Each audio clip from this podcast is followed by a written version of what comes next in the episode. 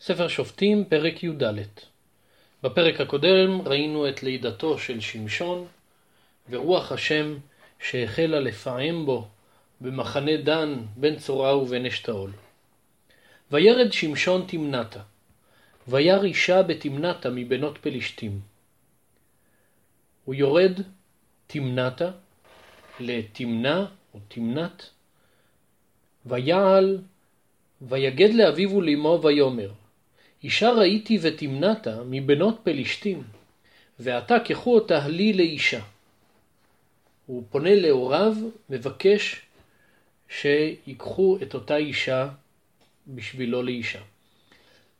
ויאמר לו אביו ואמו, האין בבנות אחיך ובכל עמי אישה, כי אתה הולך לקחת אישה מפלישתים הערלים? ויאמר שמשון אל אביו, אותה קח לי, כי היא ישרה בעיניי. דווקא אותה מצאתי כישרה בעיניי, היא מתאימה, דווקא אותה אני רוצה.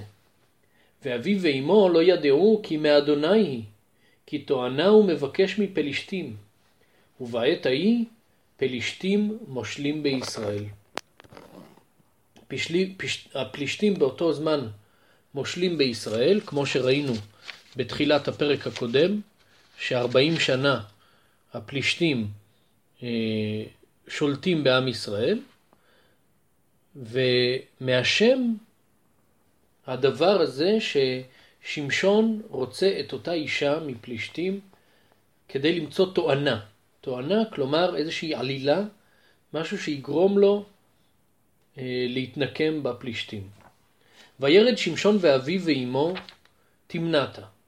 ויבואו עד כרמי תמנתה, והנה כפיר אריות שואג לקראתו. הוא היה, הלך בכרם בנפרד מהוריו,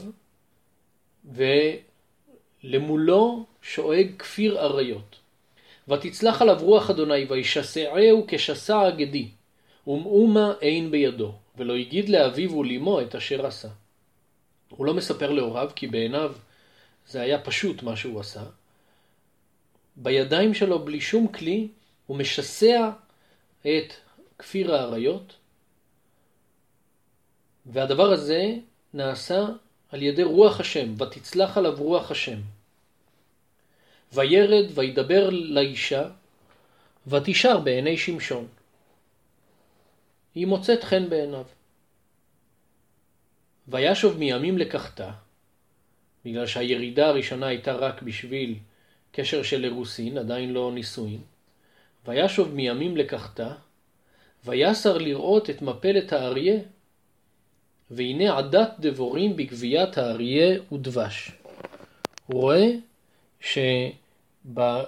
שבנבלה של האריה יש כוורת של דבורים מלאה בדבש. וירדהו אל כפיו, וילך הלוך ואכול, וילך אל אביו ואל אמו, ויתן להם ויאכלו. ולא הגיד להם כי מגביית האריה רדה הדבש.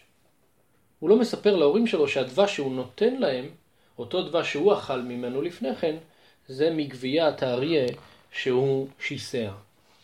וירד אביהו אל האישה, ויעש שם שמשון משתה כי כן יעשו הבחורים. אביו יורד ראשונה לפני שמשון כדי להכין את הסעודה, ושם שמשון עושה משתה. כמנהג הבחורים.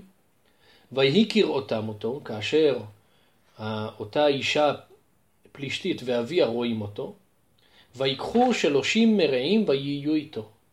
הם ממנים שלושים שושבינים, אנשים שישמחו איתם בשמחת החתונה. ויאמר להם שמשון, אחודנה לכם חידה. הגד, אם הגד תגידו אותה לי, שבעת ימי המשתה ומצאתם, ונתתי לכם שלושים סדינים ושלושים חליפות בגדים. ואם לא תוכלו להגיד לי, ונתתם אתם לי שלושים סדינים ושלושים חליפות בגדים. ויאמרו לו, חוד אחידתך ונשמע הנה. הוא עושה איתם אה, עסקה. אני אחוד לכם חידה, אם במהלך שבעת ימי המשתה אתם תגלו את פתרון החידה, אני אתן לכם שלושים סדינים ושלושים חליפות בגדים. ואם אתם לא תצליחו, אז אתם תיתנו לי 30 סדינים או 30 חליפות בגדים. והם מקבלים את ההצעה. ויאמר להם, מהאוכל יצא מאכל, ומעז יצא מתוק. ולא יכלו להגיד החידה שלושת ימים. שלושה ימים הם מנסים לפתור את אותה חידה, שהוא אמר להם מהאוכל יצא מאכל, כמובן מהאוכל הכוונה לאריה שממנו יצא מאכל זה הדבש, ומאז אותו אריה שהוא עז, ממנו יצא מתוק הדבש. והם לא הצליחו לפתור את זה שלושה ימים. ויהי ביום השביעי, ויאמרו לאשת שמשון, פתי את אישך, ויגד לנו את החידה, פן נשרוף אותך ואת בית אביך באש, על יורשנו קראתם לנו הלא.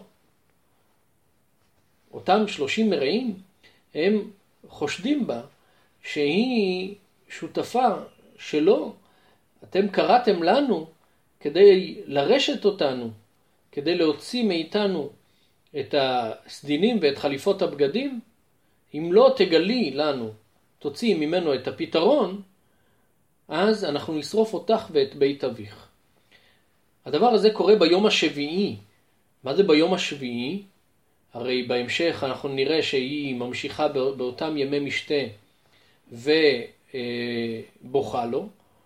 היום השביעי זה בעצם היום הרביעי למשתה, שהוא היה שבת, ובגלל שזה היה שבת, הוא לא היה איתם והם יכלו לדבר עם האישה. כך מסבירים המפרשים, שהיום השביעי כאן זה שבת, לא היום השביעי של אה, שבעת ימי המשתה. ותבק אשת שמשון עליו, ותאמר, רק שנאתני ולא אהבתני, החידה חדת לבני עמי, ולי לא הגדת.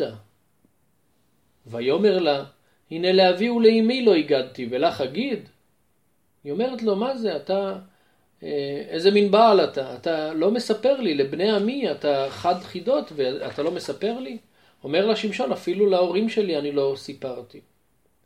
ותבקע עליו שבעת הימים אשר היה להם המשתה, כלומר ב, בימים שנותרו מאותם שבעה ימים, ימי המשתה, היא בוכה עליו, ויהי ביום השביעי ויגד לה כי יציקת הוא, ותגד אחידה לבני עמה. היא מציקה לו, הוא מגלה לה את הפתרון, והיא מספרת לבני עמה. ויאמרו לו אנשי העיר ביום השביעי, בטרם יבוא החרסה, מה מתוק מדבש, ומעז מארי. ויאמר להם, לולא חרשתם בעגלתי, לא מצאתם חידתי.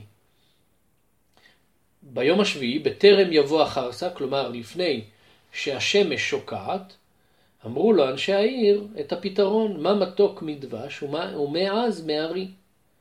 אז הוא עונה להם בחידה אחרת, לולא חרשתם בעגלתי, לא מצאתם חידתי. אם לא הייתם חורשים בעגלה שלי, באשתי, אם לא הייתם לוחצים עליה, לא הייתם מוצאים את החידה שלי. ותצלח עליו רוח אדוני, וירד אשקלון, ויח מהם שלושים איש, ויקח את חליצותם, ויתן החליפות למגידי החידה, וייחר אפו ויעל בית אביהו. הוא כועס, הוא יורד עם רוח השם שצולחת עליו, יורד לאשקלון, לעיר הפלישתית, מכה שלושים אנשים, לוקח להם את החליפות, ואת החליפות האלו נותן למגידי החידה. והוא עוזב את אותם פלישתים, עוזב את האישה אה, שם בתמנע, ועולה חזרה לבית אביו. ותהי אשת שמשון למרעהו אשר רעה לו. היא נישאת לאחד משלושים המרעים האלו שהיו איתו בשבעת ימי המשתה. עד כאן פרק י"ד בספר שופטים.